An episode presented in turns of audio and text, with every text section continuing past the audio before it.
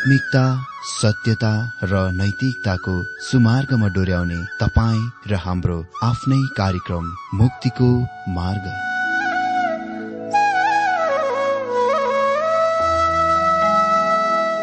आदरणीय श्रोता यस मुक्तिको मार्ग कार्यक्रममा हार्दिक स्वागत छ आशा छ यस आत्मिक कार्यक्रमद्वारा जीवनमा आत्मिक आशिष अलौकिक शान्ति र आनन्द प्राप्त गर्नुहुनेछ। र जीवनमा धन्य अनुभव गर्नुहुनेछ। आउनुहोस् श्रोता मन र आत्माको तयारीको लागि यो मिठो अनि मधुर भजन गीत सुनौ। कस्तो होला? कस्तो होला? कस्तो होला? ओ कस्तो होला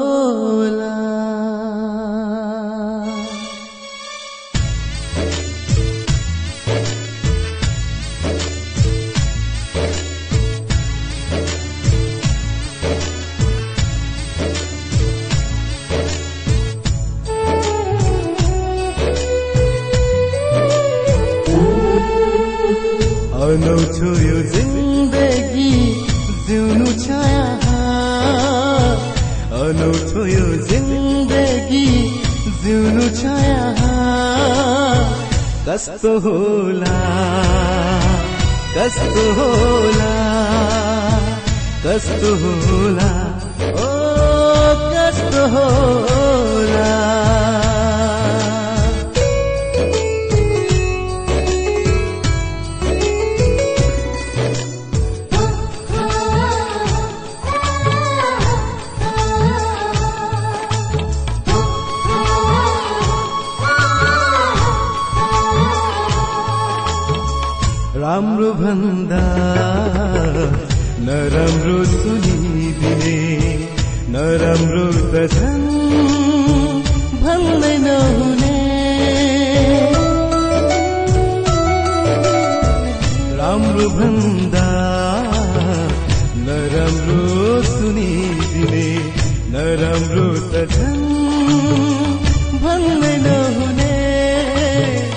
धन भएकाको मन नहुने मन भएकाको धन नहुने।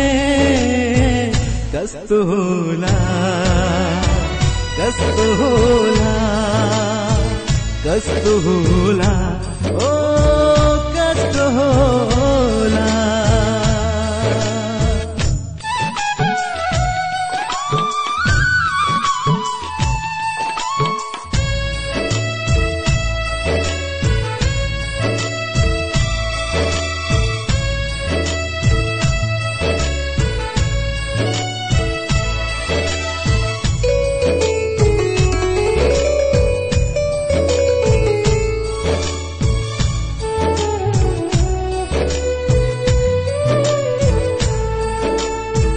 कसले खोज्ने हो साँचो कुरा। जसले मानिसलाई बाटो देखाउँछ। कसले खोज्ने हो साँचो कुरा। जसले मानिसलाई बाटो देखाउँछ। कसले बुझ्ने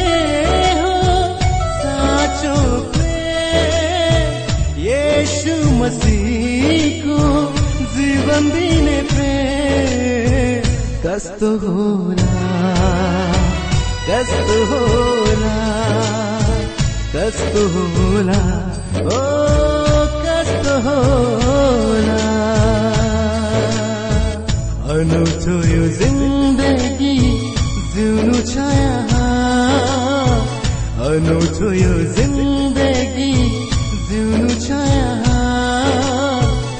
कस्तो होला कस्तो होला कस्तो होला कस्तो होला कस्तो होला ओ कस्तो होला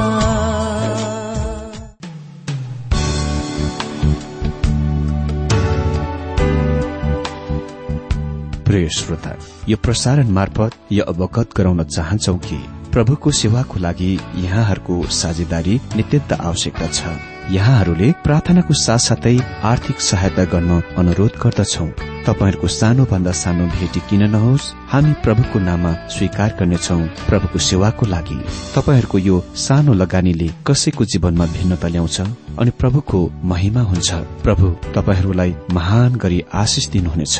इच्छुक श्रोताहरूले तपाईँको इच्छा भेटी हाम्रो ठेगानामा पठाउन सक्नुहुन्छ जुन ठेगाना हामी कार्यक्रमको अन्तमा दिनेछौं। प्रिय श्रोता मित्र हाम्रो अति नै दयालु अनि अनुग्रही प्रभु येशु ख्रिष्टको मधुर अनि सामर्थ्य नाममा जय मसी साथै हार्दिक स्वागत छ आजको यो बाइबल अध्ययन कार्यक्रममा।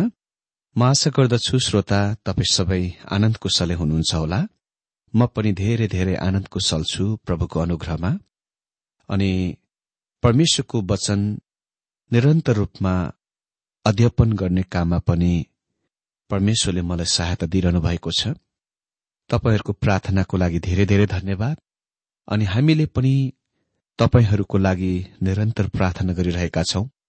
यो तपाईँहरूलाई जानकारी दिन चाहन्छौ कि तपाईँहरूले पठाउनु भएको सुझावहरू अनि सहायताहरू हाम्रो लागि विशेष गरेर परमेश्वरको सेवाको लागि अति नै महान महत्वपूर्ण र अति नै आशिषमय भइरहेको छ।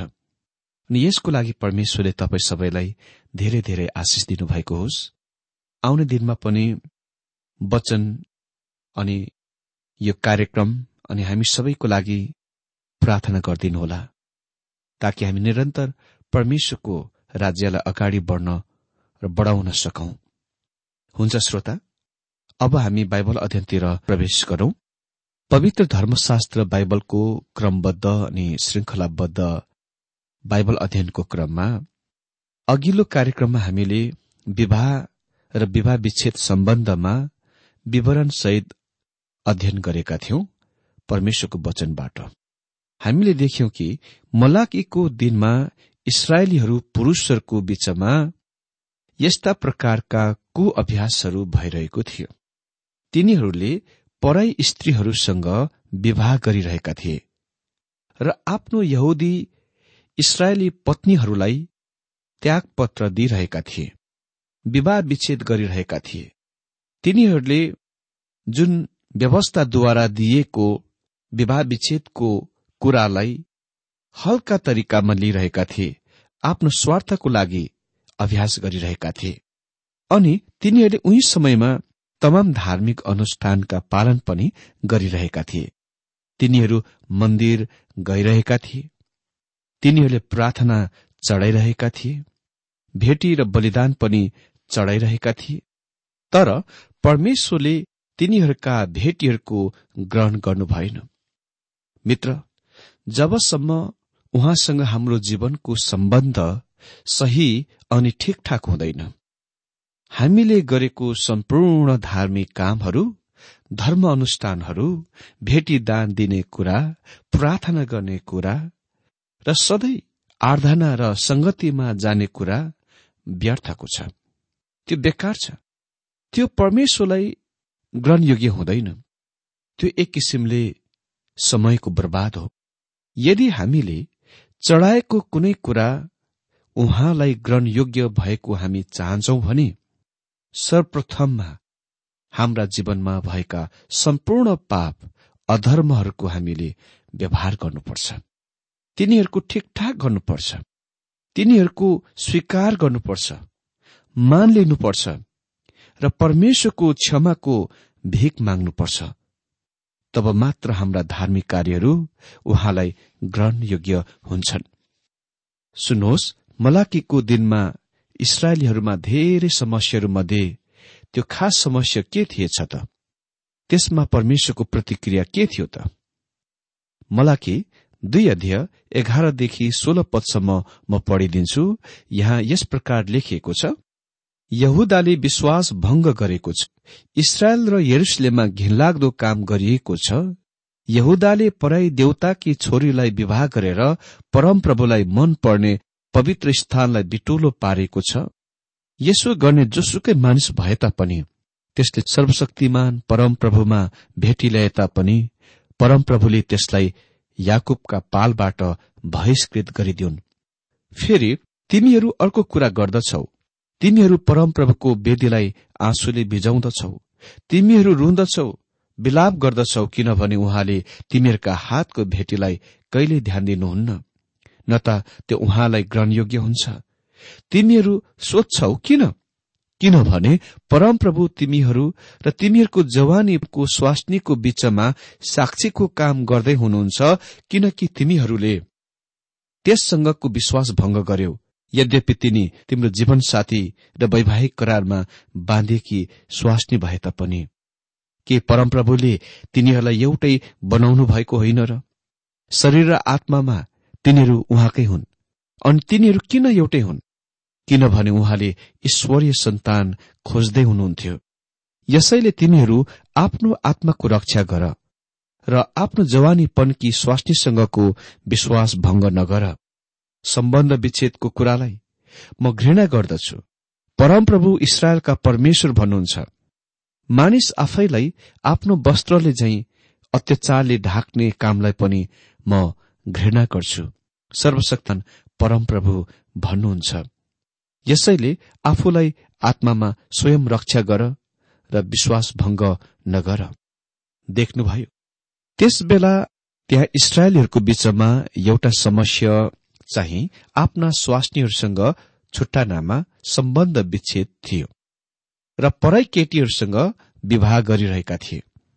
मित्र म तपाईँहरूलाई भन्न चाहन्छु कि विवाह विच्छेद परमेश्वर घृणा गर्नुहुन्छ। यो सुरुमा परमेश्वरको कति पनि इरादा थिएन। तर पनि यदि हामी शास्त्रमा हेर्छौं भने त्यहाँ केही त्यस्तो आधार छ जुनमा त्यहाँ विवाह विच्छेद हुन सक्छ। त्यसको बारेमा हामीले अघिल्लो दिनमा अघिल्लो कार्यक्रममा विवरण सहित अध्ययन गरिसकेका छौं। तर मित्र स्वार्थीपनको कारण वा कुनै फाइदाको कारण त्यस्तो कुनै बिना कारण नै विवाह विच्छेद चाहिँ परमेश्वर घृणा गर्नुहुन्छ। त्यसको कुनै शास्त्रीय अनुमति छैन। त्यसपछि आज हामी मलाकी दुई अध्यय सत्र पद मात्र अध्ययन गर्नेछौ। मलाकी दुई अध्ययको सत्र पद।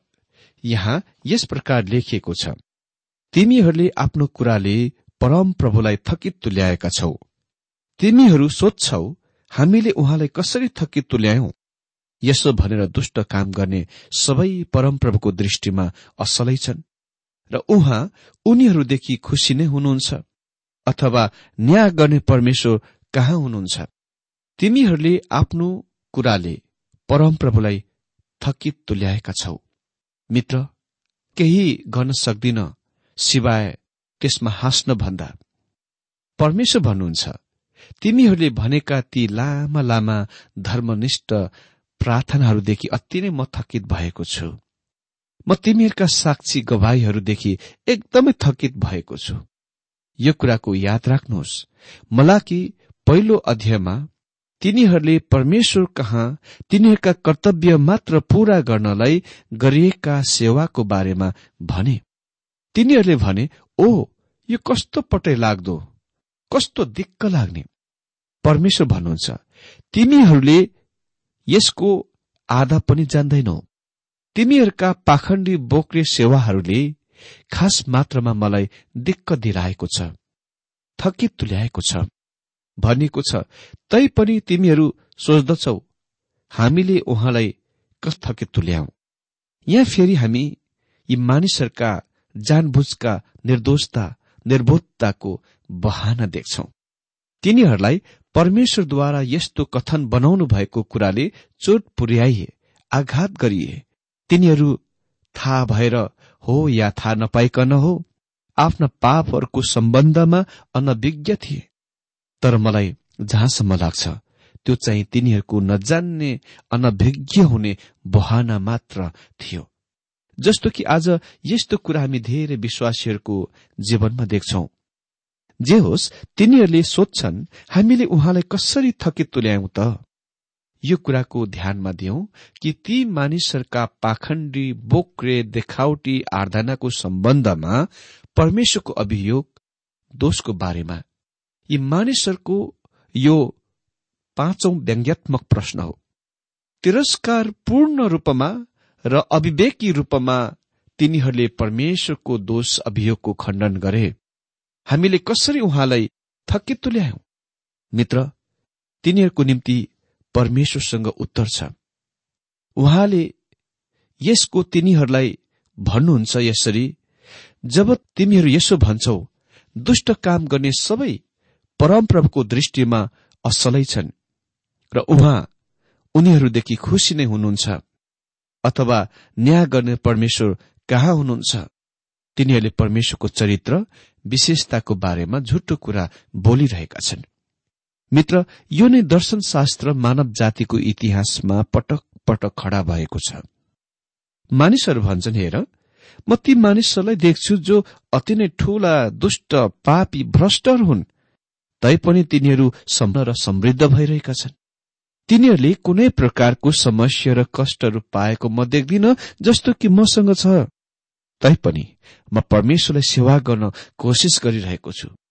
किन परमेश्वरले त्यस प्रकारको कुराहरू गर्न अनुमति दिनुहुन्छ? भजनकारले उही प्रकारको शिकायत गुनासो व्यक्त गरे।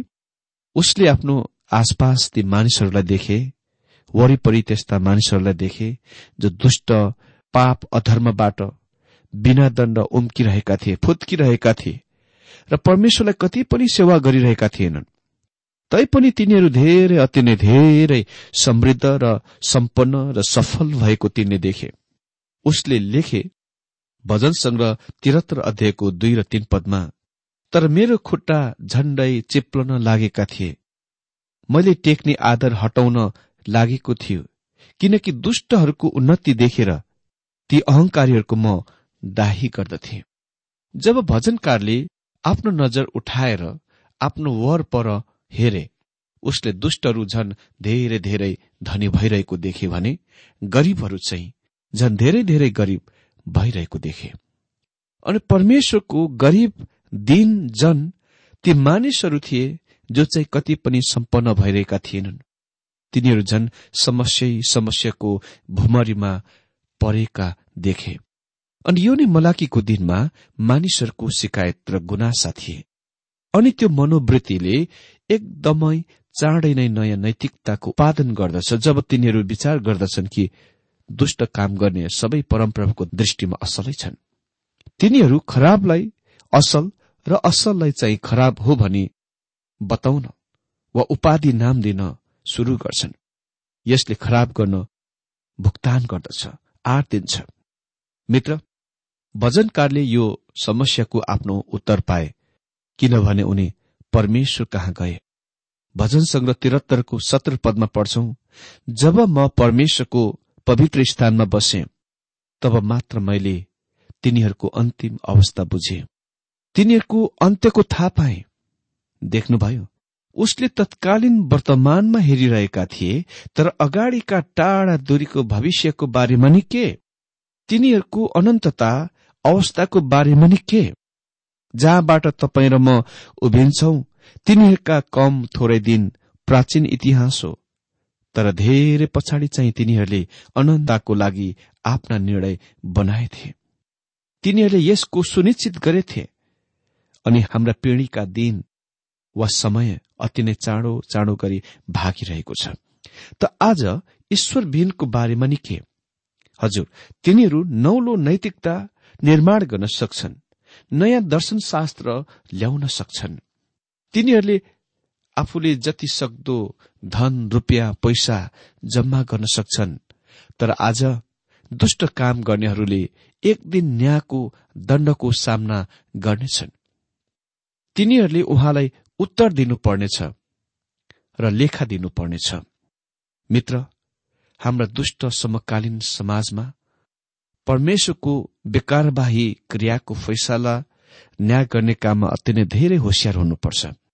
अरू त के हामीले कसैको र कुनै कुराको न्याय गर्ने काममा अति धेरै होसियार हुनुपर्छ? परमेश्वरको काम उहाँको चाल उहाँको योजना र कार्यक्रम हामी जान्दैनौ। तर एउटा कुरामा हामी निश्चय हुन सक्छौ कि परमेश्वरले निश्चय नै दुष्ट पापीहरूको कुनै न कुनै दिनमा न्याय गर्नुहुनेछ। आफ्नै समयमा र आफ्नै तरिकामा।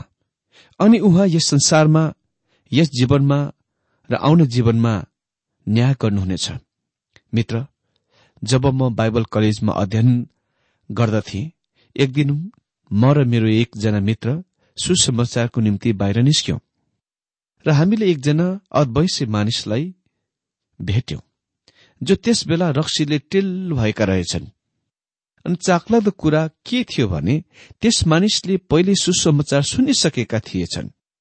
उसले तुरुन्तै त्यस मद्यपान लिने कुराको लागि हामीसँग क्षमा मागे र भने कि उसले त्यो नपिउनु पर्ने। अनि हामीले उसलाई ख्रिस्टको बारेमा बतायौं।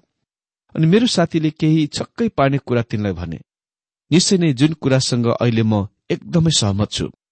उसले त्यस जड्यालाई भने तिमी मातेका छौ र त्यसको लागि हामी तिमीलाई निन्दा गरिरहेका छैनौ। तिमी नर्कको बाटोतिर लागिरहेको निन्दित गुमेको पापी मानिसौ त्यसकारण तिमीले यो जीवनलाई सुन्तलालाई निचोरे झै अझ धेरै पूरा रस निकाले राम्रो हुनेछ। र जब तिमी यहाँ संसारमा छौ त्यसबाट जति सक्दो सबै रस निकाले उक्तम हुनेछ।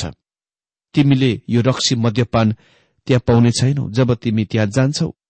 गएर आफूले चाहे जस्तै मन परे जस्तै जेसुकै गर। आनन्द भोग गर मजा रमाइलो गर। तर तिमी अनन्ततातिर बढ़िरहेका छौ। के तिमीले त्यसको बारेमा सोच्न केही छिन रोकेका छौ? उद्धार नपाएको व्यक्ति जो परमेश्वरको वचनसँग चिर परिचित छ। यो कुरा जान्दछ कि उनी पापी हुन् र त्यहाँ न्यायको परमेश्वर हुनुहुन्छ। तर यो आशा चाहिँ नगरौं कि परमेश्वर तुरुन्तै तत्कालै न्यायमा दण्डमा चल्नु भएको जब म सानो बच्चा थिएँ हाम्रो करेश्वर बारेमा धेरै काँक्राहरू हुन्थे र म सुटुक्कै आमा बाबालाई नभनी चुराएर खाने गर्थे। म तपाईँसँग इमान्दारीपूर्वक बताउँछु जब म हरेकपल्ट काँक्रो टिप्न बारीमा जान्थे म सोच्थे कि आकाशबाट मेघ गर्जन छ र चमक हुनेछ। र मलाई चट्याङले हान्नेछ र मलाई मार्नेछ। किनभने मैले बिना आमा बुबाको अनुमति र जानकारी बेगर त्यस्तो काम गरिरहेको थिएँ। तैपनि जे भए तापनि म ती काँक्राहरूलाई चोरिरहेको थिएँ। त्यो नै मानव हृदयको हट्टीपना हो र त्यो सानो केटाको हृदयमा पनि छ। तर परमेश्वर त्यसरी कहिले पनि न्यायमा बढ्नुहुन्न। यद्यपि उहाँ त्यसो गर्न सक्नु भए तापनि किनभने परमेश्वरले सधैँ तत्कालै न्याय दण्ड नगर्नु भएकोले गर्दा मानिसहरूले यसरी यसको अर्थ यसरी निकाल्छन्। परमेश्वरले उसलाई कति पनि दण्ड दिनुहुन्न। उपदेशक आठ दिएको एघार पदमा हामी पढ्छौं कुनै अपराधको दण्ड तुरुन्तै भएन भने मानिसहरूका हृदयले दुष्ट काम गर्नलाई योजना बनाउँछन्। यदि मानिस यसबाट बिना दण्ड उम्के उसले यो अनुमान गर्छ कि उनी यसरी नै त्यसबाट बिना उम्कनेछन्।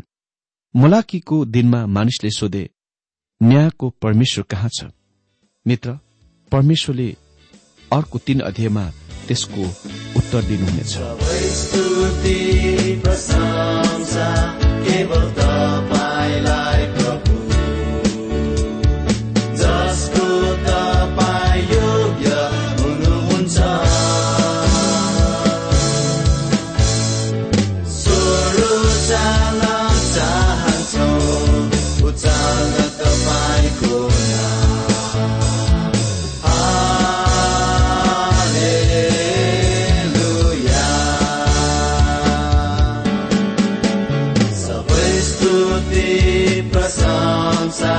केवल तपाईँलाई प्रभु